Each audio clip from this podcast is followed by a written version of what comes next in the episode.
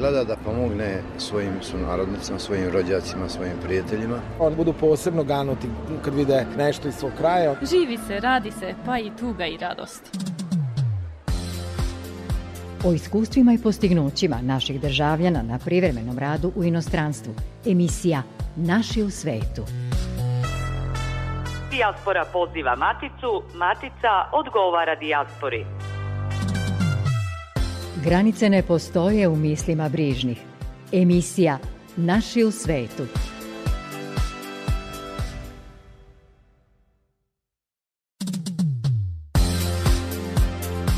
Dobro vam veče, poštovani slušaoci. Pred vama su u narednih pola sata priče iz našeg rasejanja i matice u kojima se osvrćemo na to koliko je jaka veza između Srbije i naše dijaspore.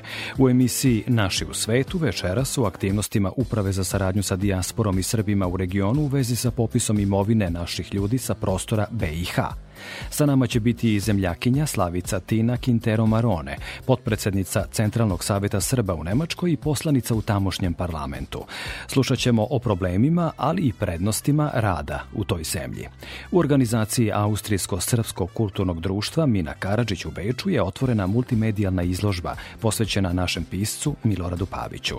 Za tonskim pultom je Zoran Cicmil, a pred mikrofonom Goran Pavlović.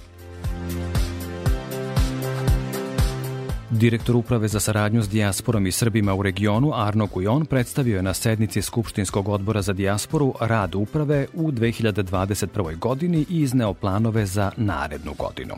Oko 400.000 Srba koji su raseljeni polaže pravo na imovinu u Federaciji Bosne i Hercegovine, ali postoji rizik da ostanu bez svoje imovine tokom usklađivanja zemlješnjih knjiga i katastra.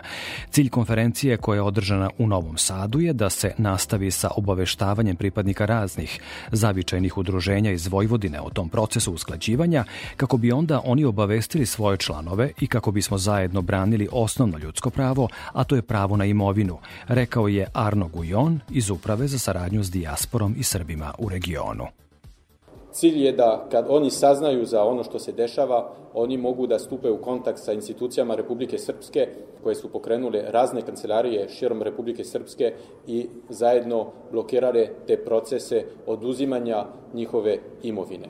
Preko medijske kampanje, preko informisanja naše e, mreže ambasada i konzulata, preko informisanja eparhija iz naše dijaspore i preko društvenih mreža uspeli smo da dopremo do ogromnog broja naših ljudi koji žive uglavnom u zemljama gde je dijaspora poreklom iz Federacije BiH mnogobrojna u Austriji, u Švajcarskoj, u Nemačkoj, takođe u Kanadi, u Australiji i u Americi. Zahvaljujući tome, preko 3274 ljudi se javilo za dva meseca, što je otprilike 70% Uh, ukupnog broja ljudi koji su se javili na kancelarijama za pravnu pomoć Republike Srpske u prethodne tri i po godine. Šta to znači? To znači da kad zajedno delujemo, uh, Skupština, fond iz uh, Duška Čutila, predstavništvo Republike Srpske, Uprava za saradnju s dijasporom i Srbima u regionu, u tom slučaju možemo da postignemo rezultate. U tom slučaju glas srpski može daleko da se čuje. Putanja koja povezuje postoji, treba je samo utabati. Emisija Naši u svetu. Veliko mi je zadovoljstvo što u radio televiziji Vojvodine mogu da pozdravim Slavicu Tinu Quintero Marone, našu zemljakinju koja živi i radi u Nemačkoj 30 godina. Tamo je otišla sticajem okolnosti, ušla je u političke vode i o tome ko je zapravo Slavica Tina, čućemo od nje same. Dobar dan, dobroveče, kako god dobrodošli u radio televiziju Vojvodine. Hvala vam što ste svojim dolaskom u Maticu odlučili da oplemenite našu emisiju svojim prisustvom. Bolje vas našla i hvala me što ste me pozvali. Uvek se radujem da dođem i da podelim ovo neko svoje životno vreme u ovoj emisiji sa vama. Da li možemo da znamo zbog čega ste došli u Maticu ovog puta? Znamo da to često činite. Koji je razlog ovoga puta da ste došli? Pa, a, došla sam zato što sam kupila kuću u Dulenu u Gledičkim planinama a, kraj Kragujevca I sada ovaj, želim da okončam čitavu tu papirologiju oko, to, oko te kuće i zato sam došla. Vi ste i na čelu Centralnog saveta Srba u Nemačkoj, tamo ste potpredsednik, inače ste angažovani u Nemačkom parlamentu, član ste stranke CDU, e, donedavno tu je bila na čelu kancelarka Angela Merkel, ona se povukla, ali ste vi ostali na svojoj poziciji i nastavljate borbu za prava Srba u Nemačkoj. Tako je, ja sam praktično i kada sam uh, uopšte krenula da se bavim politikom, uh, to videla kao jedini motiv i cilj.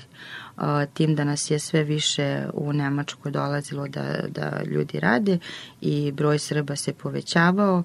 Trenutno smo skoro milion Srba u Nemačkoj i srećom već uh, punih 13 godina Srbi imaju svog predstavnika u Nemačkom uh, nacionalnom savetu u Bundestagu i sada imamo poslanika Borisa Mijatovića koji je u zelenoj stranci, koji je sad ušao u novu vladu, tome se posebno radujem.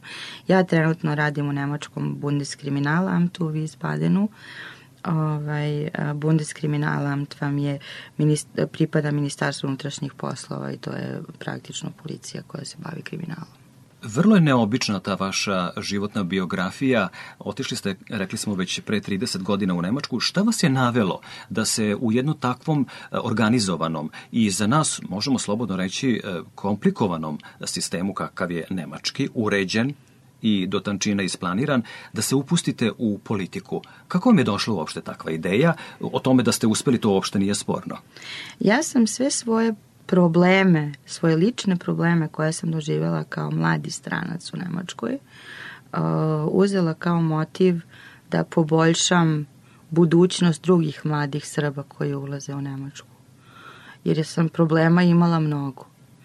Ovaj, kao ja i, i, i moj brat, on je tada bio još mlađi od mene kad je došao, imao je šest godina. Ovaj, I sa svim tim problemima u jednoj uređenoj zemlji, kako je vi zovete, ali ta uređena zemlja je uređena zemlja za, za Nemce i za društvo, ali onda kada ste stranac, kada ste novodošlica, onda tu ulazite u mašineriju administracije, da je tako nazovem. Volim da kažem da je mašinerija, pošto je jako teško jer ovaj, čovek zaista mora da se izbori za svaku sitnicu i u koju školu da ti treba da ide, što je jako važno. Pošto školski sistem se razlikuje između nas i Nemaca. Dajem primer, moja majka je morala da se bori zaista jako za, za mog brata, jer ona je želela da moj brat nakon četvrtog razreda uđe u gimnaziju, iako je vrlo dobrog ovaj, proseka bio. O, nastavnica rekla, ne, ne, on je stranac, on je vrlo dobar, on je, on je neki ide u drugu školu koja ga obučava za zanat. Mama rekla na što to liči ovaj, kako je to moguće da vi odlučujete i stvarno je bilo tako da nastavnica osnovne škole ovaj, odluči koju dalju školu dete ide od petog razreda. Ja kad sam ušla u politiku sa svojih 18 godina, ja sam rekla ti ne ulaziš, prva tema ti je borba da jedna nastavnica osnovne škole ne može da odluči za jedno srpsko dete u koju školu ide dalje, nego da to odlučuje ovaj roditelj i ako to dete uspe, super, ako ne uspe, mogu uvek da ga stave u drugu školu. Koliko znam, vi ste i dalje u stranci CDU, znači niste je menjali, moram da priznam kao novinar sa ovih balkanskih prostora, to je prilično ovako neobična jedna situacija da ste ostali verni svojoj stranci. Da li to znači da su vam oni omogućili kao jednom strancu, kao čoveku ili osobi sa Balkana, da se politički izrazi na način na koji to čini svaki dostojanstven čovek i na način na koji ste i vi to učinili i pretpostavljamo opravdali poverenje. Oni su vama ipak dozvolili da se iskažete, zar ne? Naravno, dozvolili su mi zato što sam osoba koja je tada već bila u gimnaziji, koja ima perspektivu da će postati akademik, koja će ići da studira. Njima je jako važno da na stranci napreduju koji su visoko kvalifikovani. I ljudi, i uvek kažem, ako neko želi da prosperira u nemačkoj politici, to ide obrazovanjem odlično to ide obrazovanjem odlično. Znači uvek će obrazovane ljude da puste u, u svoje vode i u vreme kada sam ja počela da se bavim politikom bilo je dosta izbjeglica sa prostora bivše ju i čisto su im trebali ljudi u politici takođe koji imaju njihov glas i koji govore njihov jezik. Isto njihov neki ekonomski cilj da oni imaju dovoljno radne snage. Evo recimo mi smo trenutno sada u Nemačkoj u minusu 4,8 miliona radnih mesta. Znači mi imamo 4,8 miliona slobodnih radnih mesta. Nama treba 200.000 medicinskih sestara samo. Znači oni su gledali da nas onda koje smo došli integrišu uvedu u svoju ekonomiju, da mi imamo svoj prostor, a u isto vreme im je bilo u interesu da imaju ljude s naših prostora u svojoj politici koji zastupaju interese tih ljudi. Ono što smem da kažem šta je se za srpsku zajednicu promenilo, su borbe koje smo mi izborili kao Centralni savjet Srba u Nemačkoj za njih, činjenicom da smo išli sa Ministarstvom spoljnih poslova na sud, zato što je kroz regulativu Zapadnog Balkana u zemlju ulazilo preko 50.000 ljudi godišnje koji su onda dve do tri godine čekali vizu za spanje porodici, čekali da im žene i deca, to je supružnici, nisu uvek žene i muškarci su u pitanju, dođu u zemlju i samim tim su počeli porodice da nam propadaju i mi smo sad smatrali da to ne može tako, da to nije humano, da to nije u redu. Govorite o porodicama našeg porekla, tako dakle je, iz Srbije. Iz Srbije, tako je. I onda smo se izborili sudskim procesom da sada ne čekaju više dve do tri godine, već samo dva meseca. Trenutno smo u sudskom procesu sa Ministarstvom unutrašnjih poslova za koje ja radim, zato što smatramo da nas ugrožavaju kao srpsku zajednicu, to jest da smo uznemireni jer sada samo familija i prijatelji mogu da nam dolaze koji su vakcini, vakcinisani. Ako nisu vakcinisani ne mogu da uđu u zemlju, mogu da uđu samo uh, pod posebnim uslovima, što znači ja sada ako ne znam imam neku operaciju i nema ko da čuva moju decu, ja želim da mi dođe sestra iz Srbije koja nije vakcinisana, Ona mora da dobije propusnicu od Ministarstva unutrašnjih poslova, mora da ispuni milion i jedan formular, onda moram ja da ispunim milion i jedan formular da bi nju uopšte pustili da dođe znači da u, meni je u posetu. Ali oni su vas zaista ozbiljno shvatili, naravno, sam razumeo. Naravno, oni su nas ozbiljno shvatili, jer mi smo kao Centralni savjet Srba u Nemačkoj nije nam prvi sudski proces sadržao. On nam nije prvi sudski. I mi smo otišli kod advokata, on je napisao tužbu, uh, Kako smo napisali tužmu, odmah su nam skinuli karantin za vakcinisane, to je odmah bilo rešeno. Znači, toga smo se rešili odmah i ovaj, sada smo rekli, o, o, sudija je rekao nije lepo da se stalno tužite, vi iz centralnog saveta, jer ima 187 nacije, zamislite da se svi tuže sa nama za sva prava što da. vama treba. Ne, samo se centralni savet Srba pojavljuje i tuži. Ali oni dobija sporove. Tako je, do, to dobija i sporove. Nastavljamo razgovor nakon kraće pauze.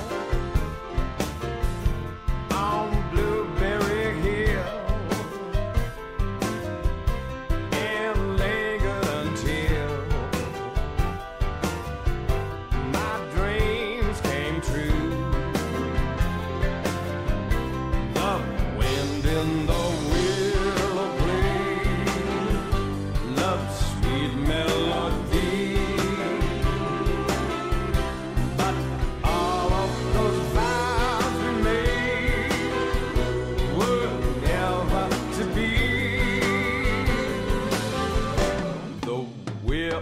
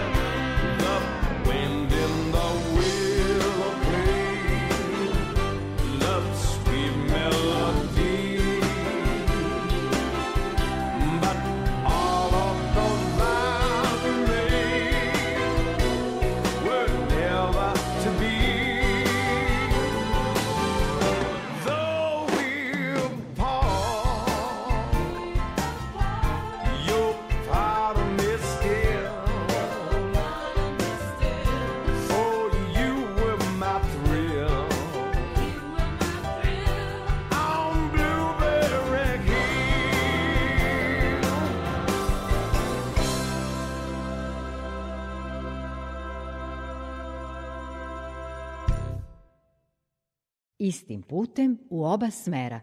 Emisija Naši u svetu. Nastavljamo razgovor sa Slavicom Tinom Quintero Marone, zemljakinjom koja 30 godina živi i radi u Nemačkoj, tamo je pri Nemačkom parlamentu, zaposlena je u Ministarstvu unutrašnjih poslova i potpredsednica je Centralnog saveta Srba u Nemačkoj. Centralni savet je zamišljen kao krovna organizacija svih naših društava u Nemačkoj. Koliko vam je pošlo za rukom da naša društva okupite? Da li se ta inicijativa prema vašem mišljenju shvatila ozbiljno i kakvi su rezultati? Pa Srbi su shvatili od kako je nastao Centralni savet da je nama zaista potrebna organizacija ove forme koja će da se bavi temama kompletne zajednice. Do sada imamo 60 srpskih udruženja u članstvu, od kojih su 18 kulturno-umetnička društva, a sva druga udruženja imaju čisto druge teme. Znači, mi tu imamo akademske mreže, mreže doktora, mreže inženjera, mreže advokata, imamo šahiste, imamo druge sportiste, futbalere i tako dalje i tako dalje. Znači, baš jedno onako, ja Centralni savjet Srbu Nemačkoj zovem bašta srpske raznolikosti, jer i sami članovi predsjedništva Centralnog savjeta Srba u Nemačkoj su u raznim nemačkim strankama, pod jedan imamo predsjedništvo 21 člana, znači imamo uh, radno i prošireno predsjedništvo, ovaj, ali ne samo da su to, da su oni u raznim nemačkim strankama, nego su oni što se tiče njihovih ideja o tome koje su stranke u Srbiji, ok, totalnim razlikama. Znači, uh, Ja sam neko koji će uvijek da kaže sebe, ja sam monarhistkinja, ali ja sedim zajedno sa ljudima koji su bili za Slobo Milošević, pa koji su iza Šešelja, koji su za, za Sada i Vučića, koji su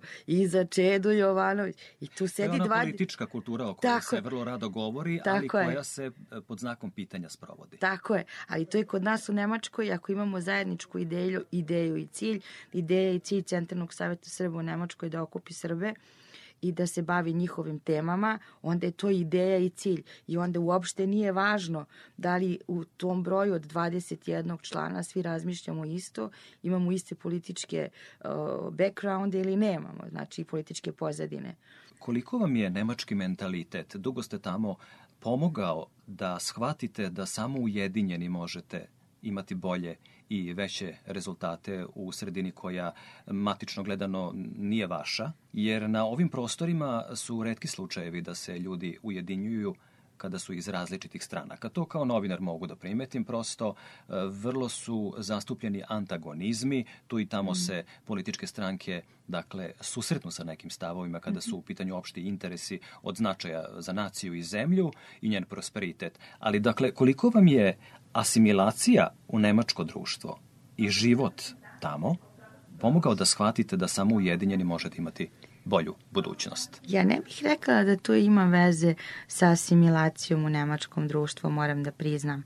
A, taj mentalitet idemo zajedno, uspevamo samo zajedno, uspevamo samo ujedinjeni, dobijamo u školskom sistemu u Nemačkoj. Nas tako uče u školi. Da samo zajedno funkcionišemo. Dakle, ipak me, nemački mentalitet ima nekog uticaja. Da, školski sistem uči decu od malena da samo zajedno može unapred. Da smo stvoreni da idemo zajedno unapred. I na bilo koju temu da je potreban, da su potrebne razlike da bi se nešto ostvarilo. Da ne možemo svi biti pobednici, ali zato zajedno možemo biti pobednici. Rekli smo da naših ljudi u Nemačkoj prema nekoj nezvaničnoj statistici ima oko milion, od tog broja 850.000 se vode kao zvanični, mm -hmm. a nekih 150.000 su praktično ilegalni. Mm -hmm. Da li vam se javljaju ljudi koji su ilegalno u Nemačkoj da. i na koji način možete da im pomognete da steknu svoj legalni status? Mm -hmm. Centralni savjet Srba u Nemačkoj, ovaj, pogotovo je to segment kojim se ja bavim. Ja svaki dan odvajam o, dva do tri sata, ovaj, ali svaki dan od ponedeljka do nedelje, znači bez, bez o, prestanka o, i odgovaram ljudima na pitanja kada su u životnim nezgodama, da ih raznim životnim nezgodama u Nemačkoj. I ja na jednom nedeljnom nivou imamo ove, oko, oko 2000 upita.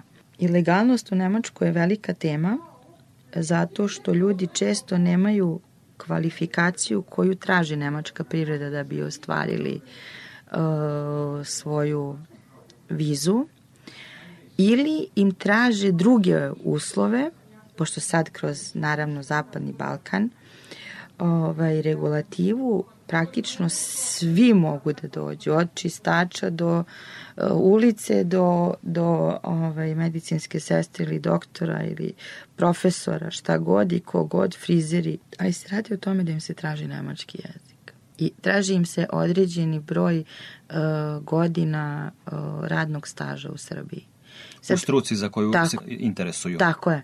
I ako oni to ne ispune, onda je teško. Naravno, kad god razgovaramo sa sunarodnikom iz rasejanja, ono što je osnovni preduslov o kojoj god zemlje da govorimo jeste da znate jezik sredine u koju dolazite. Mhm. -huh. I mislim da bismo i mi, kada bismo imali ovde neku veliku naval, navalu stranaca da dolaze u Srbiju da rade, očekivali isto. Zar to nije realno? To jeste realno, ali čisto životne situacije samih ljudi im ne dozvoljavaju da oni mogu Ne može svako u Srbiji da priušti Gete institut. I onda oni izbegavaju to što dolazi kod naših, kod naših firmi da rade gore. Znači, veliki broj legalaca u nekim našim firmama. To isto ovako smem javno da kažem. To Nemci znaju šta da rade.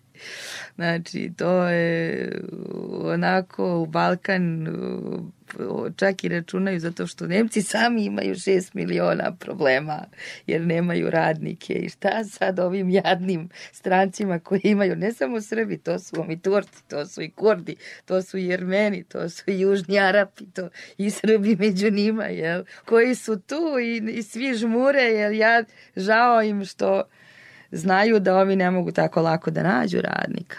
Borite se za prava naših ljudi koji su na privremenom radu u toj zemlji. Da li se u toj borbi oslanjate na institucije u Matici, koje biste naveli kao dobar primer u praksi i da li imate utisak da Matica nema dovoljno vremena za naše rasejanje u Nemačkoj? Teško pitanje. Ali je realno. Jeste, realno je pitanje, teško je pitanje ovako. Ono što mogu da kažem i uvek ću da kažem sve, sve uh, institucije koje su me podržavale na sva moja pitanja u ovoj zemlji i to mogu da kažem u sve ovo vreme koje sam u društvenom radu ja sam imala po jednog sagovornika u ovoj zemlji. Da li su ti razgovori bili uspešni? Uvijek? Da, da, jesu. Lepo je to čuti. Da, jesu. Ovaj, ja sam, recimo, Kancelarija za dijasporu je mesto gde sam uvek imala pravo glasa i uvek dobila podršku nazad. Makar to bio i jedan razgovor koji me motivisao da guram dalje onda kad je bilo teško. To isto mogu da kažem za naše ministarstvo spoljnih poslova, da su oni isto jako e, fini prema nama ovaj, i, i konzul isto koji su i ambasadori koji su u Nemačkoj. Uvek smo imali neku lepu saradnju, to se i sada i dalje dešava, da dobijamo njihovu podršku za razne projekte koje radimo. Čak sam imala i ovaj, kontakt sa poverenicom koja se bavi zaštitom ljudskih prava u Srbiji. Bila sam i kod nje, čitala sam godišnje izveštaje. Sa njom sam isto imala odličan kontakt, zato što ja u Nemačkoj sarađujem sa mnogo organizacija koje imaju razne potrebe kada su ovaj, od, od Srba koji su prodati kao bela roba recimo u Nemačkoj do, do drugih teških nekih životnih priča. Znači, i kad god mi je nešto trebalo u Srbiji, ili od institucije ovde, kad god sam se javila i to u poslednjih 20 godina, ja kao član Centralnog saveta Srbo-Nemačkoj mogu da kažem da smo mi imali podršku kao organizacija. Znači možemo da potvrdimo onu narodnu izreku zajedno smo jači. Da, da, što se stvarno to mogu da kažem. I uopšte nije važno koje su stranke ovde bile na vlasti. Mi smo sa svima imali totalno uh, isti, isti pristup i oni sa nama i ne mogu da se poželim ni najmanje. Meni je veliko zadovoljstvo što imam ovakvu sagovornicu u emisiji i programu radio televizije Vojvodine, ali smo se jednoga trenutka opustili i evo naši slušalci to mogu i da, da znaju prosto. Vi ste se setili pesme iz našeg kraja. Yes. I onako ste govoreći o svoj toj težini života u inostranstvu i svoj toj borbi za našu zajednicu u Nemačkoj, prosto ste se osmehnuli i zapevali i ja sam krenuo da vas pratim. I moram da vam priznam da je to utisak koji ću nositi u celom svom radnom veku i životnom veku, jer mi se nije desilo da sa nekim ko dođe iz dijaspore steknemo jedno takvo poverenje i da se do te mere opustimo da možemo kao sunarodnici i da zapevamo, pa i u programu Zašto da ne. Koja je to bila pesma? Prvo, zahvaljujem za sve ove lepe reči, to je uvek veliki kompliment. Ne dam bolu da me slomi. Hoćete početi da je pevate, a ja da pokušam da vas Može. pratim. Ne dam bolu da me slomi,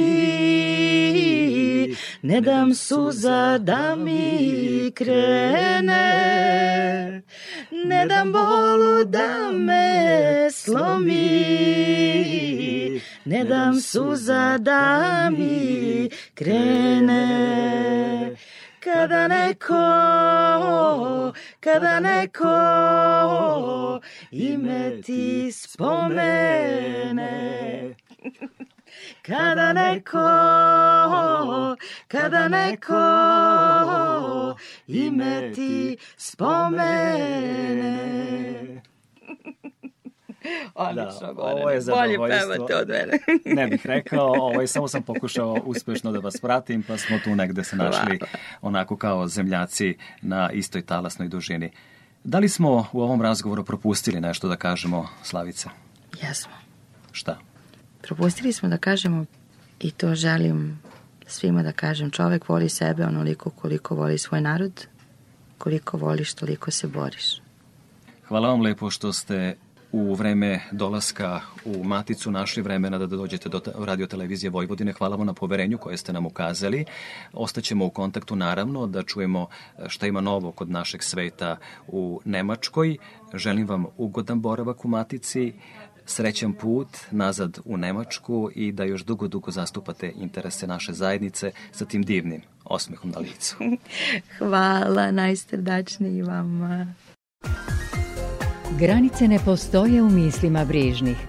Emisija Naši u svetu.